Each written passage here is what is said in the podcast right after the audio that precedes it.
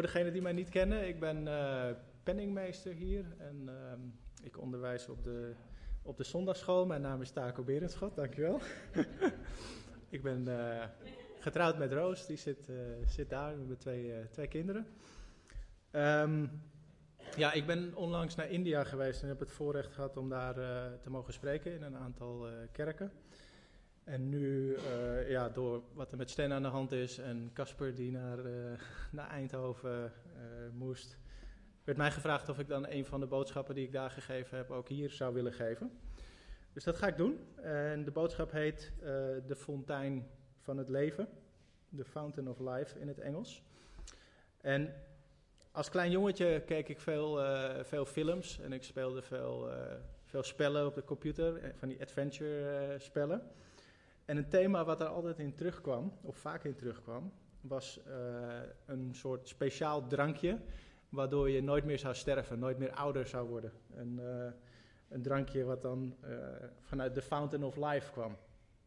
Um, en het is grappig, je ziet eigenlijk bij mensen in de wereld, naarmate we ouder worden, dat we allemaal willen vechten tegen het ouder worden. Dus je ziet mensen die heel erg bezig zijn met uh, supergezond eten, uh, sporten, uh, plastische chirurgie, wat je nu heel veel tegenkomt.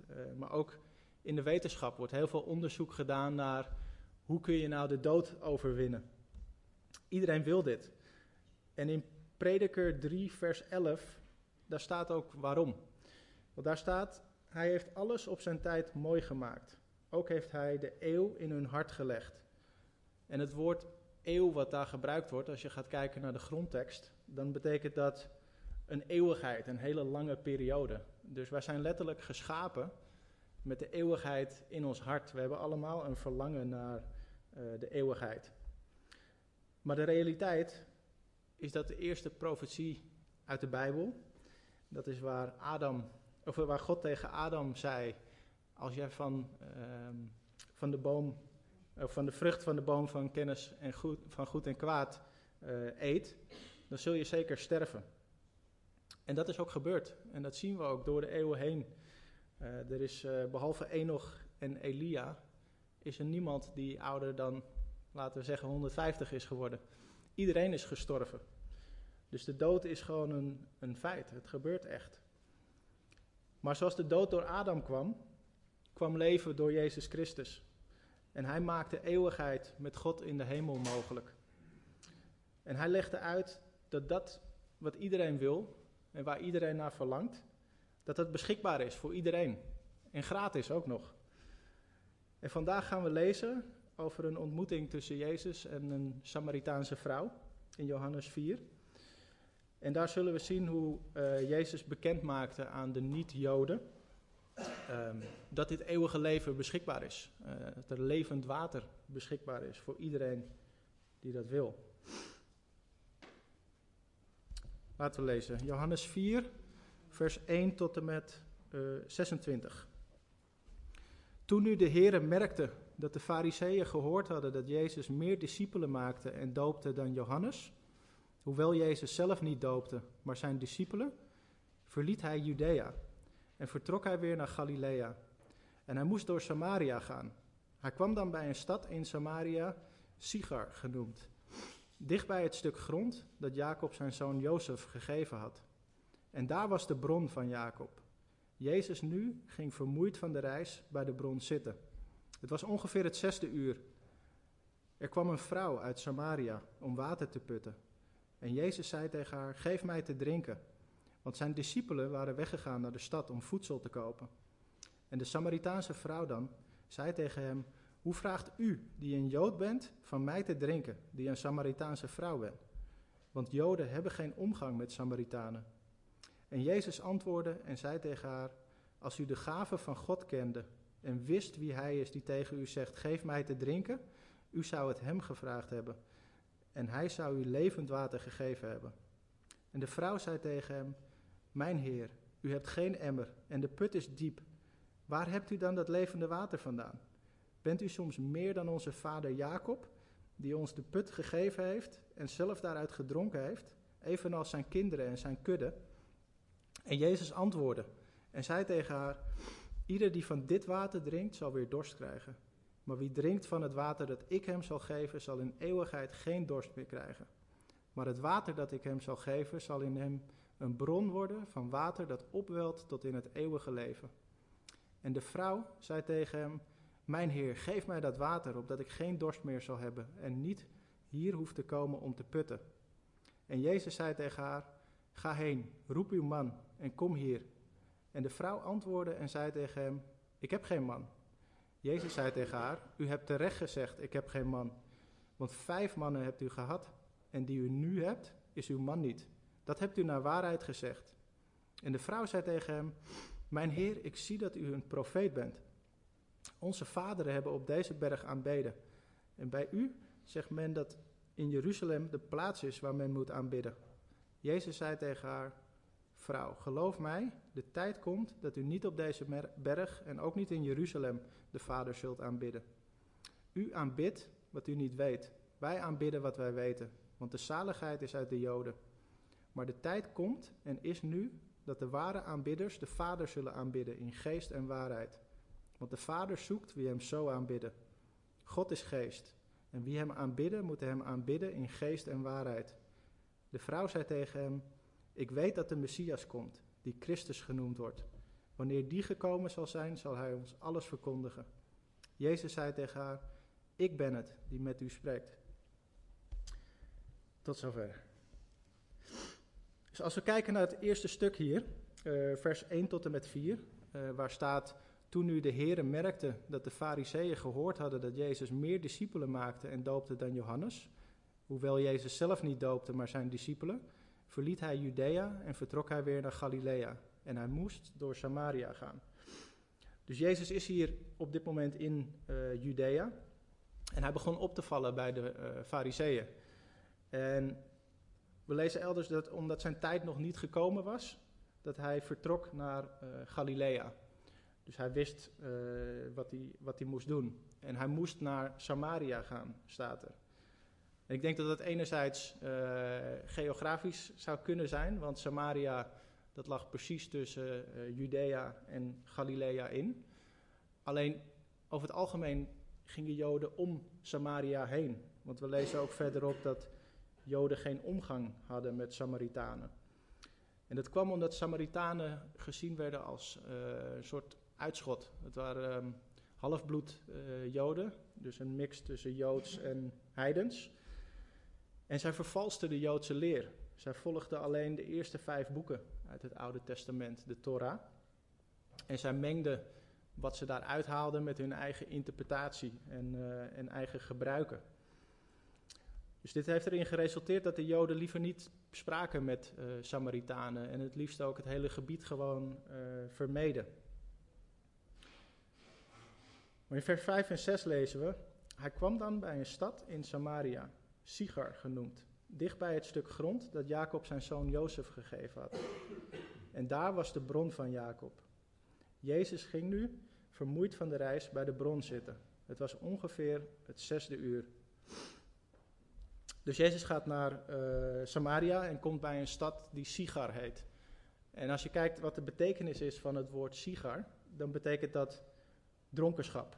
En ik weet niet waarom ze een stad dronkenschap uh, genoemd hebben, maar waarschijnlijk was dit met een, uh, met een goede reden. En het is in deze stad dat Dina, de dochter van Jacob, kunnen we in Genesis lezen, ehm, verkracht werd. En daar lezen we ook hoe de zonen van Jacob alle mannen in Sigar uh, vermoorden om deze reden. En hier lezen we dat daar, in Sigar, of bij Sigar, uh, de bron van Jacob was. En dit was de bron die Jacob groef voor zijn zonen. En jarenlang werd deze bron gebruikt voor de waterbehoeften van de Joodse voorvaderen. En nu, honderden jaren later, komt Jezus hier en is die bron er nog steeds. En ik geloof dat hier een contrast wordt geschetst tussen uh, een stad van dronkenschap en verkrachting. Uh, een stad waar mensen nemen wat ze willen, wanneer ze maar willen. En iets wat we vlakbij zien, gemakkelijk binnen bereik, een bescheiden bron die in alle jaren nooit op is geraakt. die groei brengt en verkwikking en leven voor iedereen die wil. En ik geloof dat het contrast wat hier geschetst wordt, is dat we allemaal een keuze hebben van welke bron wij drinken. Drinken wij van de dronkenschap, de gierigheid en de lust van de wereld? Of drinken wij van de bescheiden bron die door God gegeven wordt, de bron die nooit opraakt en die voor iedereen altijd beschikbaar is? En we lezen hier dat het het zesde uur was. En het zesde uur, dat is eigenlijk uh, middag, om uh, 12 uur s smiddags in onze huidige tijdsindeling. Dus het was het heetste van de dag. En Jezus die ging zitten bij de bron, moe van de reis, in de schaduw, waarschijnlijk vanwege de, de hete zon.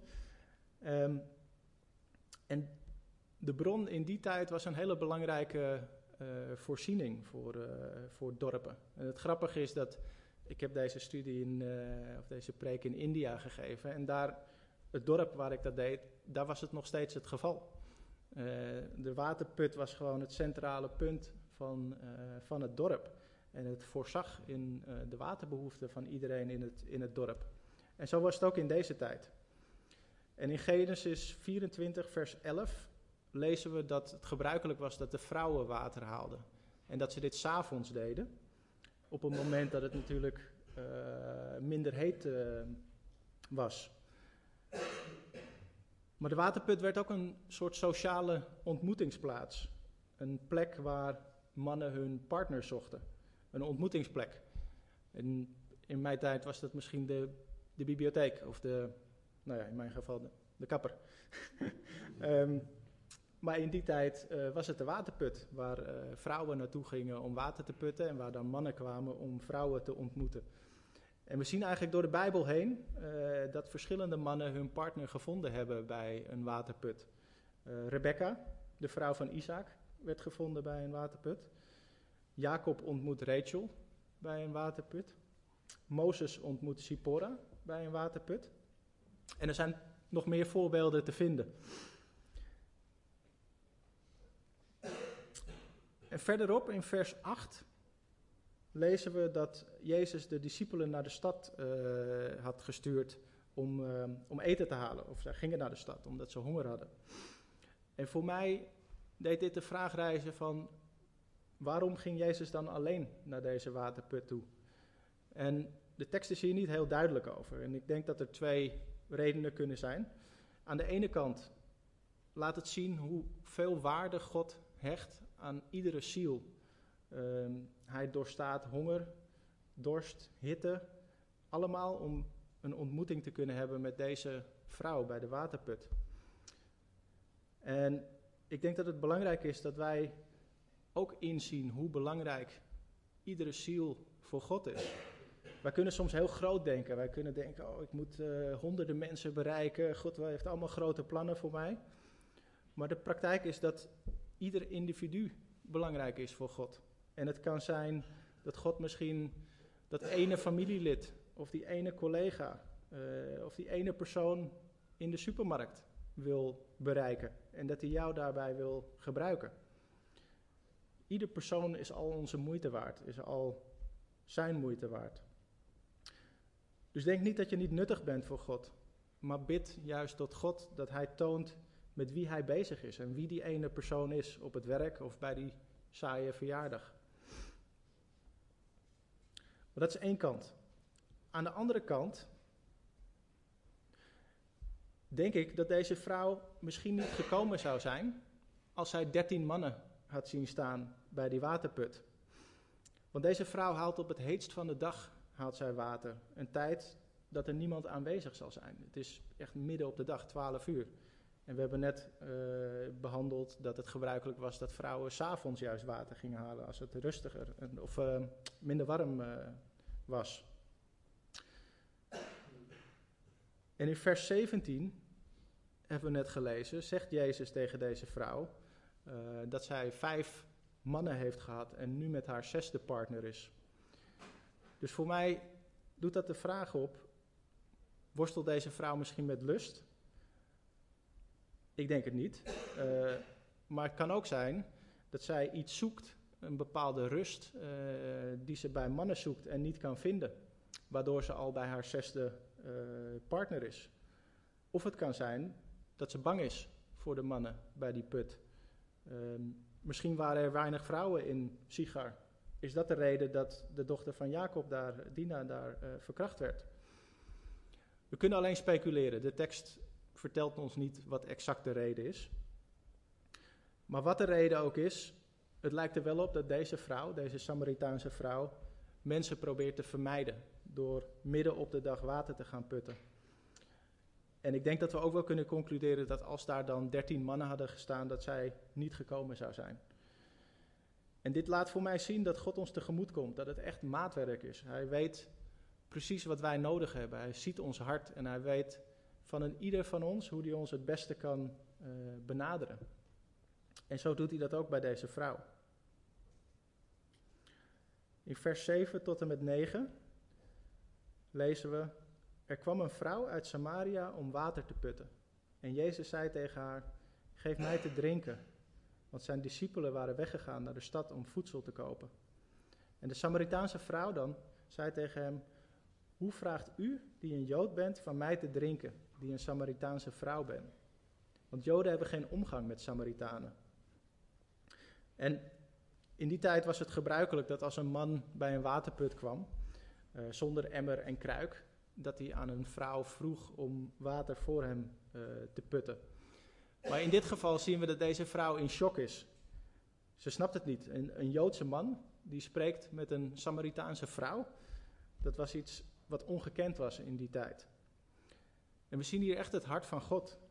We zien dat God niet is zoals mensen, zoals wij uh, verwachten van, van andere mensen. Wij kunnen denken dat we niet goed genoeg zijn uh, of dat God uh, bepaalde verwachtingen van ons heeft. Maar uiteindelijk zien we hier, we zijn goed genoeg van God, voor God. Hij houdt van ons, ondanks hoe we zijn. En in vers 10 lezen we, Jezus antwoordde en zei tegen haar, als u de gave van God kende en wist wie hij is die tegen u zegt, geef mij te drinken, u zou het hem gevraagd hebben en hij zou u levend water gegeven hebben. En hier zien we hoe Jezus uh, antwoord geeft op haar, uh, op haar punt. Uh, hij gaat niet in op cultuur of achtergrond, op het hele debat van Samaritanen en Joden. Maar hij begint van zichzelf te getuigen. Hij begint uit te leggen wie hij is. En ik denk dat wij hier ook van kunnen leren als wij getuigen uh, naar mensen.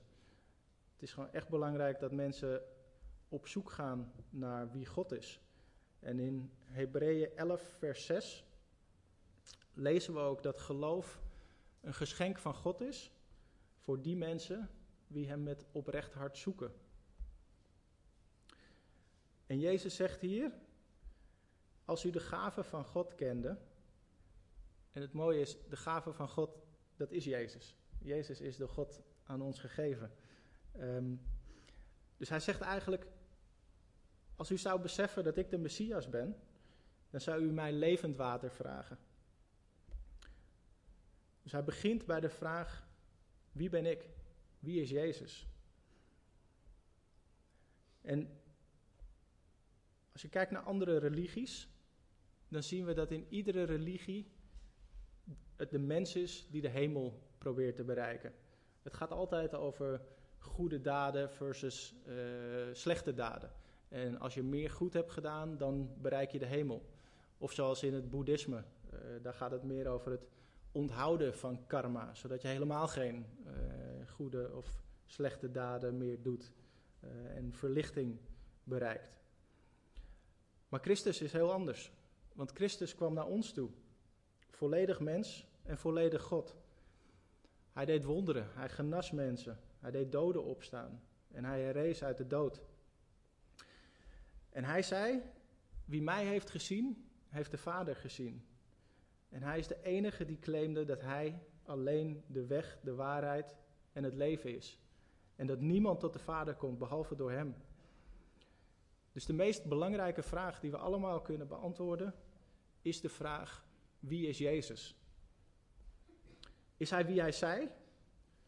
Of is het iemand die ontspoord was en een soort uh, grootheidswaanzin had en toevallig heel veel volgelingen kreeg, waarvan men zei dat hij wonderen deed en uiteindelijk gekruisigd is om een reden. Wij mogen allemaal kiezen. We hebben allemaal dezelfde kans om antwoord te geven op deze vraag. Maar als Jezus niet is wie hij zegt dat hij is, in zijn woord, in de Bijbel, dan hebben we keuze uit alle andere religies. Want dan is er geen zekerheid van redding. En hier lezen we dus hoe Jezus deze vrouw leidt naar die vraag en hoe belangrijk het is voor mensen, ongelovigen, om op zoek te gaan naar het antwoord op die vraag. In vers 11 en 12 lezen we: De vrouw zei tegen hem: Heere, u hebt geen emmer en de put is diep. Waar hebt u dan het levende water vandaan? Bent u soms meer dan onze vader Jacob, die ons de put gegeven heeft en zelf daaruit gedronken heeft, evenals zijn kinderen en zijn kudde? Zie, zie je, de, deze vrouw, ze, ze kan het niet bevatten. Ze begrijpt het niet. Ze probeert het wel te begrijpen, maar ze benadert Jezus vanuit een wereldse uh, kijk. En op basis van haar antwoord klinkt het eigenlijk alsof ze denkt: oké, deze man die, die spoort niet helemaal. Uh, en ze zegt ook: U heeft niets om mee te putten. U claimt water te kunnen geven. En niet zomaar water, maar levend water. Wie denkt u wel niet dat u bent? Dat u groter dan onze vader Jacob bent? En het mooie is, er zitten eigenlijk verschillende fouten in haar claims. Want technisch gezien zijn Jacob en zijn zonen helemaal niet haar voorvader. En Jacob gaf de put aan zijn zoons. Hij gaf de put niet aan de Samaritanen. Dus zoals velen had zij eigen geloofsopvattingen. En geloofsopvattingen die niet gebaseerd zijn op tastbare dingen of kennis. Maar zij was overtuigd van dingen die ze niet had onderzocht. Maar God wil niet dat we onwetend zijn. En hij gaf uiteindelijk heel veel dingen zodat we kunnen geloven. Hij gaf ons de Bijbel, geschriften, buitenbijbelse uh, geschriften waar dingen vastgelegd staan. Uh, archeologische vondsten, dus opgravingen, dat soort dingen die bevestigen wat er gebeurd is. Uh, er zijn ooggetuigen geweest die de marteldood hebben zeg je dat? Ge, gestorven. Um, terwijl zij verkondigden dat het waar is. Dat Jezus is wie hij zei dat hij is. We hebben getuigenissen van veranderde levens, miljoenen getuigenissen online van christenen die met tranen in hun ogen verklaren dat Jezus hun leven veranderd heeft. We hebben profetieën in de Bijbel. Meer dan een kwart van de Bijbel is profetisch, gaat over de toekomst. En we hebben wetenschap, waarin keer op keer dingen bevestigd worden vanuit de Bijbel. Dus mensen denken vaak dat geloof een blind geloof is, maar geloof is niet blind. Alleen het vergt wel dat we op zoek gaan met oprecht hart en gaan kijken naar de vraag, of het antwoord op de vraag, wie is Jezus? En als we daar nou op zoek gaan, dan staat in Hebreeën 6:11 dat het geloof ons geschonken zal worden.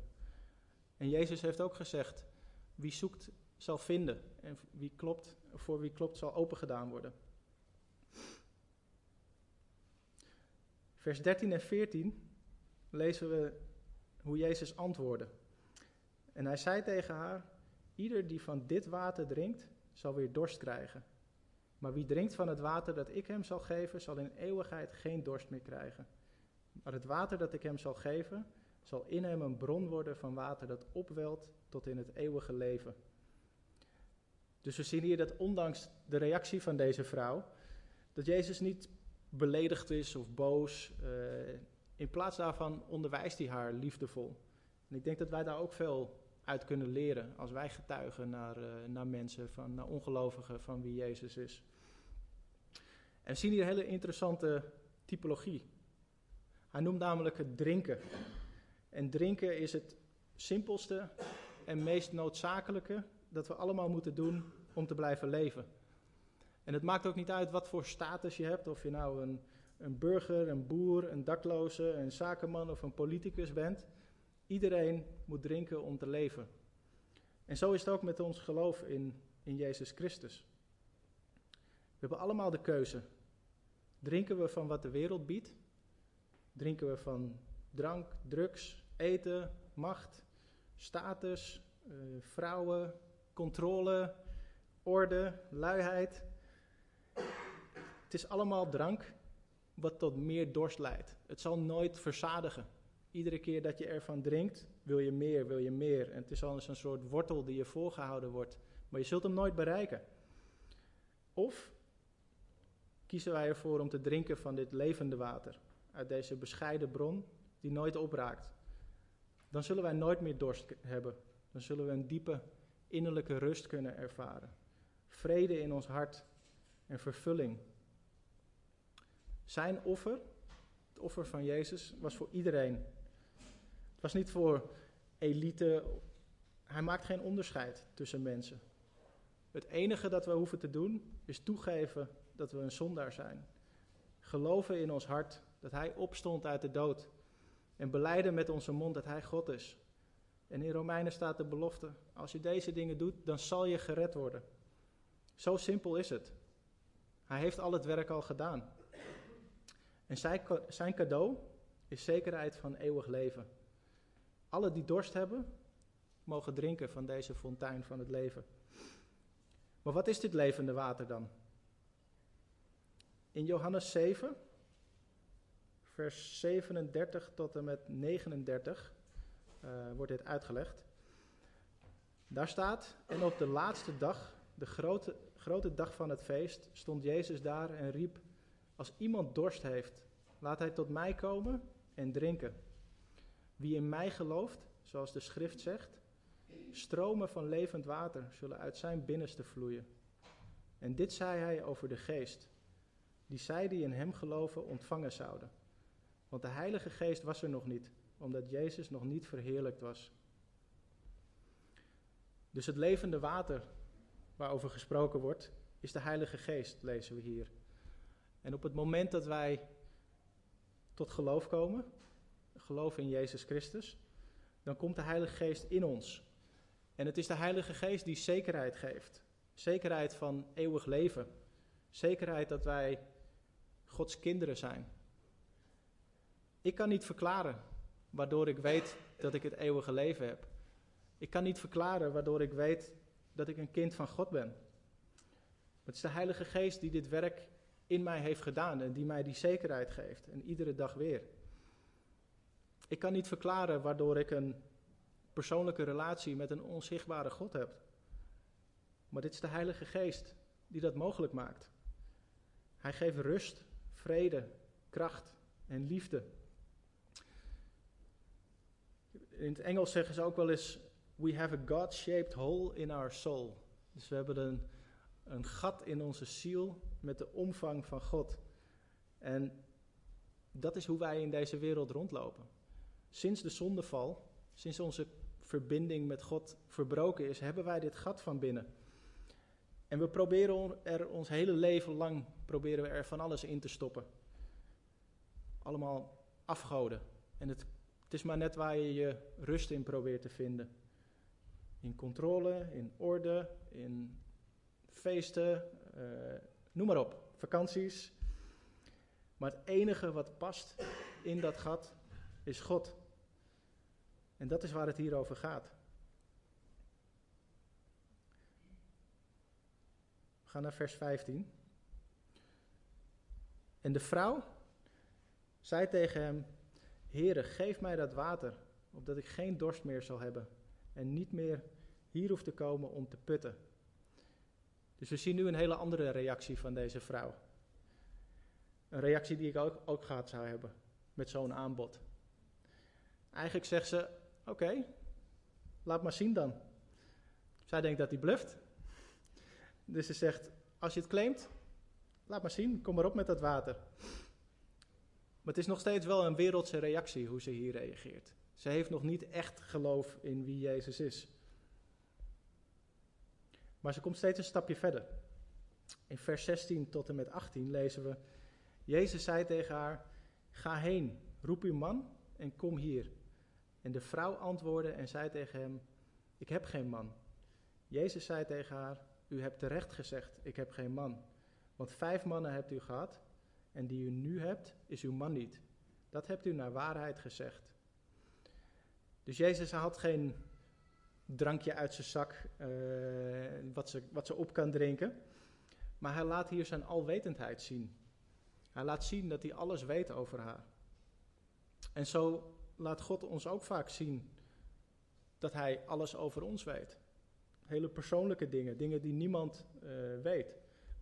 En voor haar was dit in een face-to-face ontmoeting.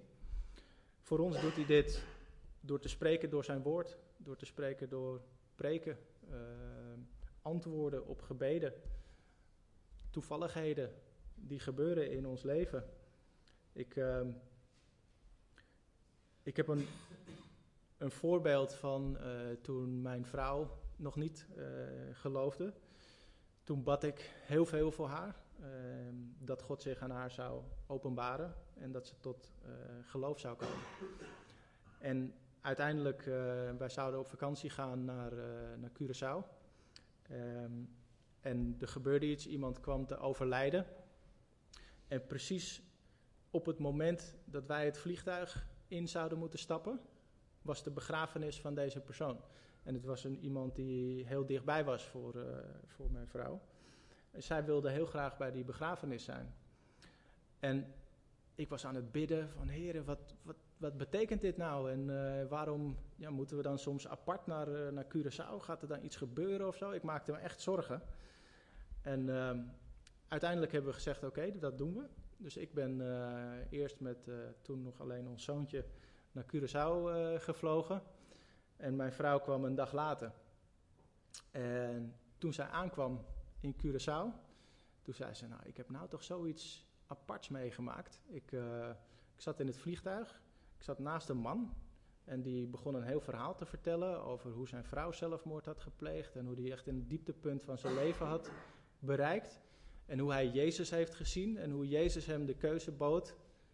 Of je komt naar mij, of je gaat deze kant op. En die man die heeft met tranen in zijn ogen heeft hij zitten getuigen voor mijn vrouw in het in het vliegtuig. En als ik dan hieraan denk, dan denk ik, ja, zo persoonlijk is God, zeg maar. Hij weet gewoon precies wat nodig is uh, voor wie, op welk moment. En hij wil zichzelf ook laten zien aan mensen. Alleen is het wel aan ons om ook naar hem op zoek te gaan. En gelukkig is uiteindelijk tot geloof gekomen. Niet daardoor, maar wel iets later. um,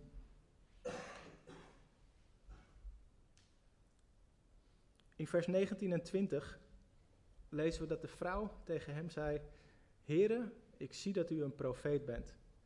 Onze vaderen hebben op deze berg aanbeden. En bij u zegt men dat in Jeruzalem de plaats is waar men moet aanbidden. Dus ze is nu weer een stapje verder. Ze ziet nu dat Jezus een profeet is. Of althans, dat is haar uh, kijk op dit moment. En ze bevestigt ook dat wat Jezus over haar gezegd heeft, dat het ook waar is. Maar ze neemt eigenlijk een hele aparte wending. Want ze begint niet over haar zonde of uh, het feit dat ze nu ongetrouwd met een man samenleeft. Maar ze begint over iets heel anders. Over de plek van aanbidding. Het mooie is wel dat ze Jezus op dit moment uh, Heren noemt. Dus ze ziet dat hij meer is dan alleen een man. Um, maar ze lijkt echt het het onderwerp te veranderen. Zou het kunnen dat ze niet over haar zonde wil praten? Het zou kunnen. Ik bedoel, niemand uh, vindt het een leuk onderwerp. Zeker als iemand alles over je weet. Maar ik denk dat dit voor deze vrouw een vraag is waar zij al langer mee worstelt. Ik denk dat zij God oprecht wil aanbidden. aanbidden. En dat ze zoekt naar een bepaalde uh, rust. Dus nu ze weet dat Jezus minimaal een profeet is, wil ze oprecht, denk ik, instructie van Jezus over hoe ze God zou moeten aanbidden. En hierna lezen we, Jezus zei tegen haar, vrouw geloof mij, de tijd komt dat u niet op deze berg en ook niet in Jeruzalem de Vader zult aanbidden. U aanbidt wat u niet weet. Wij aanbidden wat wij weten, want de zaligheid is uit de Joden. Maar de tijd komt en is er nu dat de ware aanbidders de Vader zullen aanbidden in geest en waarheid. Want de Vader zoekt wie hem zo aanbidden. God is geest. En wie hem aanbidden, moeten hem aanbidden in geest en waarheid. Dus nu deze vrouw tot het punt is gekomen waar ze denkt dat Jezus een profeet is, zegt Jezus: Geloof mij, vrouw. En hij voorspelt een tijd waarin God alleen aanbeden zal worden in geest en waarheid. En dit is een vorm van aanbidding die niet gebonden is aan een bepaalde plek, zoals in die tijd uh, de tempel of voor de Samaritanen die aanbaden God op een, op een berg. Um, en het is ook niet gebonden aan bepaalde rituelen of gebruiken, uh, offer, dat soort zaken. Nee, het gaat over geest en waarheid. En wat is de waarheid? Jezus heeft gezegd dat Hij de waarheid is. Dus het gaat hier over aanbidding die door Jezus mogelijk wordt gemaakt. Door Zijn offer. En in geest is de Heilige Geest die wij ontvangen op het moment dat wij Jezus accepteren als Heer en Meester in ons leven. En daardoor is er herstel van onze relatie met God mogelijk. Kunnen wij persoonlijk aanbidden, overal en altijd. En dit is een van de belangrijkste openbaringen die Jezus uh, gegeven heeft. En het mooie vind ik dat hij deze geeft aan een Samaritaanse vrouw. Niet een volledig Joods iemand. En een vrouw die wellicht uitschot was voor de wereld. Ik kan me voorstellen dat in die tijd, als je met een zesde man bent, dat het minimaal wel ja, met uh, vreemde ogen bekeken werd, zeg maar. Maar voor Jezus was deze vrouw belangrijk en het waard om deze openbaring te ontvangen. Maar hij corrigeert in dit stuk ook haar huidige vorm van aanbidding. Want hij zegt tegen haar: U aanbidt wat u niet weet. Wat we in het begin behandeld hebben, is dat de Samaritanen ervoor kozen om alleen de eerste vijf boeken, de Torah, uit het Oude Testament uh, te volgen. En zij vermengden dit met eigen tradities. Dus zij namen een deel van de waarheid, een deel wat goed klonk, en ze vermengden het met eigen denkbeelden, met eigen plekken en gebruiken. Ik noemde net die berg waar zij God aanbaden. Nergens in het Oude Testament staat dat dat een vorm is of een plek om God te aanbidden. Maar zij deden dat omdat dat vermengd was met hun eigen gebruiken. En Jezus zegt tegen haar: U wilt aanbidden, maar u bestudeert niet wat u aanbidt. Hoe kunt u aanbidden wat u niet begrijpt? Het is ook niet logisch om dat te doen. Maar toch gebeurt het heel veel in de wereld. Bij heel veel ongelovige mensen zie je dat ze allemaal wel een god of goden of afgoden aanbidden, zonder zich echt te verdiepen in wat ze aanbidden en waarom. Zonder te begrijpen wie het eigenlijk is die ze aanbidden. En dit is aanbidding die niet op waarheid is gebaseerd, niet op tastbare dingen. Maar God openbaarde zichzelf aan ons, aan de wereld. Door Abraham, Mozes, door de profeten en uiteindelijk door Christus. En constant, door de hele Bijbel heen, zien we dezelfde consistente boodschap over Jezus Christus en verlossing. En Gods heilsplan voor de mensheid, voor ons. God ging heel ver om zichzelf kenbaar te maken aan ons. In vers 25 en 26 lezen we: De vrouw zei tegen hem: Ik weet dat de Messias komt, die Christus genoemd wordt. En wanneer die gekomen zal zijn, zal hij ons alles verkondigen. En Jezus zei tegen haar: Ik ben het die met u spreekt. Dus nu uiteindelijk legt ze de link en ze ziet: Wauw, dit is de Messias met wie ik te maken heb. Dus door deze ontmoeting zien we dat deze vrouw tot geloof komt, tot een besef van wie Jezus is. Hij hielp haar om oude denkbeelden te doorbreken. En hij wees haar constant weer terug op de vraag: wie ben ik? En we zien dat zij ging van afstand houden, het überhaupt vermijden van, uh, van mannen, uh, naar iemand die sceptisch is over wat Jezus tegen haar zei. Uiteindelijk komt ze tot het punt dat ze denkt: hey, misschien is dit wel een profeet. Hij lijkt inderdaad wel iets meer te weten dan een mens. En uiteindelijk hier komt ze tot het punt dat ze beseft: dit is de Messias. En door dit besef vond zij levend water, eeuwig leven, rust. En we zien hier ook dat dit geen handeling van haar vergde. Er was niets wat zij hoefde te doen. Alleen op zoek gaan naar het antwoord op de vraag: wie is Jezus? En deze ontmoeting laat onze waarde zien voor God. Ongeacht onze achtergrond, wat we ook gedaan hebben, God houdt van ons. En hij heeft een plan voor ons. En als we verder lezen in Johannes 4, gaan wij niet doen, maar stel dat we dat doen, uh, dan kunnen we lezen over hoe deze vrouw de eerste evangeliste werd. Hoe zij het dorp inrende om daar iedereen te vertellen over Jezus. En we lezen ook dat er vele mensen tot geloof kwamen. Niet door wat deze vrouw zei, maar het mooie is, als we kijken wat zij zegt tegen die dorpelingen, dan zegt ze: Kom zien, kom zelf zoeken naar het antwoord op de vraag: wie is Jezus? En dit is de vraag die wij allemaal mogen beantwoorden. Is Hij degene die dit levende water verstrekt? Is Hij de weg, de waarheid en het leven? Jezus claimde het. Miljoenen mensen na Hem claimen het, claimden het. Ik claim het vandaag.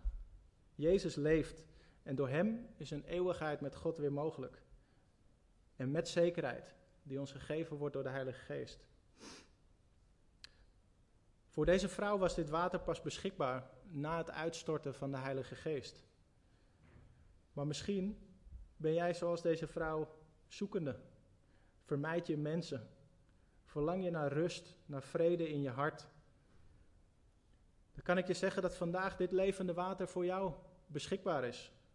De Heilige Geest is met Pinksteren uitgestort. En voor iedereen die bereid is om op zoek te gaan naar het antwoord op de vraag wie Jezus is, is dit levende water beschikbaar. Als je zijn naam nog nooit hebt aangeroepen, dan nodig ik jou uit, zoals deze vrouw. Kom zelf zien. Ga zoeken naar het antwoord. Laat je eigen denkbeelden los. En bid tot Hem. Vraag Hem om zichzelf aan jou te laten zien. Om de waarheid te openbaren. En als je zelf niet weet hoe je moet bidden of wil bidden, dan kun je ook anderen zometeen hier vragen om voor je te bidden. Of misschien ben je vermoeid en verlang je opnieuw naar dit levende water. Ben je God even uit het oog verloren? Hij wacht op jou met open armen bij de bron. Laat ons voor je bidden. Um, Delano, Joanie uh, zullen zo uh, aan, de, aan de zijkant staan. Uh, Kees, als jij ook zou willen, willen staan. Voor iedereen die gebed wil. Um, Roos. Uh, Gail? S? Zouden jullie ook aan de zijkanten willen gaan staan voor iedereen die, die gebed wil? En ik wil jullie ook aanmoedigen om gebed te vragen. Het is ik zei het twee weken geleden, ik heb in, in India gezien hoe iedereen gewoon echt uh, gebed nodig heeft daar. Dus letterlijk niet alleen de mensen in de kerk, er komen nog mensen uit de dorpen om gewoon gebed te vragen, zeg maar. En zo hard hebben wij ook gebed nodig. En zo'n voorrecht is het ook voor ons om uh, voor elkaar te mogen bidden. We mogen bij de troon van God komen om te pleiten voor elkaar, om dingen te vragen voor elkaar. En er staan ook beloftes in het woord. Dat als we met z'n meerdere bidden, dat het ook gegeven zal worden. Als, het, als we bidden naar zijn wil. Dus maak daar ook gebruik van. Laten we bidden. Heere God, dank u wel. Dank u voor uw liefde, voor uw offer, Heere. Dank u wel voor het levende water dat door u beschikbaar is voor, voor ons allemaal, Heere. Dank u voor de Heilige Geest en Heer, we willen u ook danken voor deze gemeente, dat we zo in vrijheid mogen samenkomen in uw naam. En um, ja, dat we steeds meer met elkaar mogen zien van wie u bent, van uw grootheid, Heer, van uw glorie. En Heer, het is mijn gebed dat u alles dat we behandeld hebben, dat u dat ja, tot uiting brengt in ons leven, Heer. Dat u ons helpt om u te blijven zoeken, om alles aan uw voeten te leggen, om alles van u te verwachten, Heer. Dat u ons duidelijk maakt wie die mensen zijn waar u mee bezig bent. Die mensen om ons heen, Heer. En dat wij een middel in uw handen mogen zijn. Dat we mogen uitreiken naar deze mensen. Heer, ik bid dat u velen op ons pad zult brengen, Heer. En dat er velen tot geloof mogen komen. Ik bid voor een opwekking in Nederland, Heer. Dat we gewoon met velen weer mogen zien wie u bent, Heer. Dat u de waarheid bent en de weg en het leven. En dat niemand tot de Vader komt, behalve door u. Dus Heer, spreek tot ons hart. Vervul ons met uw geest. Doe uw grote wil in ons en door ons heen, Heer. Ga voor ons uit deze week. Leid ons en um, ja, toon ons gewoon de weg, Heer. Open de deuren die geopend moeten worden en sluit de deuren die gesloten moeten worden. Geef ons alstublieft wijsheid bij alle beslissingen waar we voor staan, Heer. En onderscheidingsvermogen. En help ons om uw roepstem te verstaan, Heer. Heer, we danken u voor wie u bent. We loven en we prijzen uw grote naam, de naam boven alle namen. Uw heilige naam, Jezus. Amen.